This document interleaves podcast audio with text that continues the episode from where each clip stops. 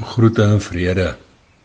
Welkom hier by die kuierplek op die vlak vir nog 'n Kalahari storie. My naam is Haie Kronje. Vanmiddag lees ons in die Nuwe Lewende Vertaling twee gedeeltes uit 1 Petrus 4 uit. Die 8ste versie daarvan bepaal: Die belangrikste van alles is dat julle mekaar onselfsugtig moet lief hê. Sulke liefde maak baie sondes toe. En die 10de versie bepaal: Derdens God het aan elkeen van julle 'n genadegawe gegee. En met hierdie gawes moet julle mekaar dien sodat God se ryk genade deur julle na mekaar toe kan vloei.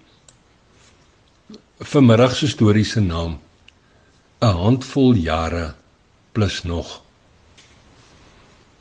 Verbasing is in hoofletters op die korterige vroutjie se gesig geskryf toe sy die groot opstal se sif agterdeur oopmaak nadat ek geklop het. Oorstanders maak net in jagmaande hier spore en daar word mos nie sommer in die lente op hierdie plaas gejag nie.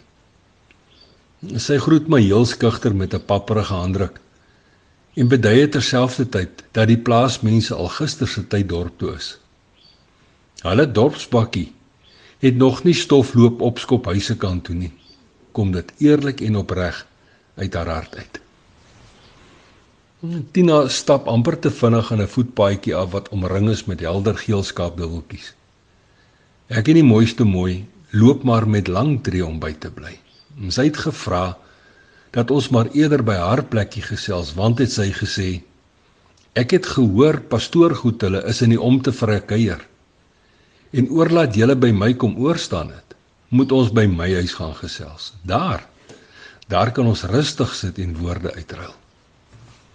Ons stap in 'n oorverdowende stilte na Tina se huisie toe, terwyl ons oë nie genoeg kan indrink van die blou en dieprooi sonsak wat die westelike verste sien inkleer nie. Haar drie vertrek huisie staan heel alleen op die vlak. Dit is netjies toegespan met jakkalsdraad en die erfie is skoon gehark. Drie klein brakkies verwelkom ons met 'n skril gekef, maar hulle gaan lê heel gehoorsaam toe sy hulle aanpraat. En heel onverwags breek die Heilige Gees my stille gedagtegang met die laaste gedeelte van die groot gebod: Jy moet jou naaste lief hê soos jouself. Net hier op hierdie selfe stoep het my man mos meer as 'n handvol jare gelede gedood aan sy hart vertel sy later aan terwyl groot trane oor haar wange spoel en dan vertel sy sniksnik van die kerk wat haar eers stief en later aan asmelaats behandel het Dis nou maklike handvol jare plus nog wat my gemeente my gelos het. Nog niemand het hier kom spore maak van daai dag af wat hy gedood het nie. Ek sien elke maand as die kerk se bakkie hier verbyry om die kerkboekie te gaan te gaan volmaak met geld, maar hier hier stop hulle nie. Ek het al woord gestuur en ek wag hulle, maar hulle kom nie. 'n Pastoor goed en mevrou is nou die eerste gelowige mense goed wat hier kom oorstaan na Sakkie se dood. Tina bly 'n rukkie stil. Haal 'n paar keer diep asem en dan sê sy met oortuiging: Pastoor goed moet tog nie kommer vat nie. Ek staan nog vas by die Here al is ek afvallig van die kerk af.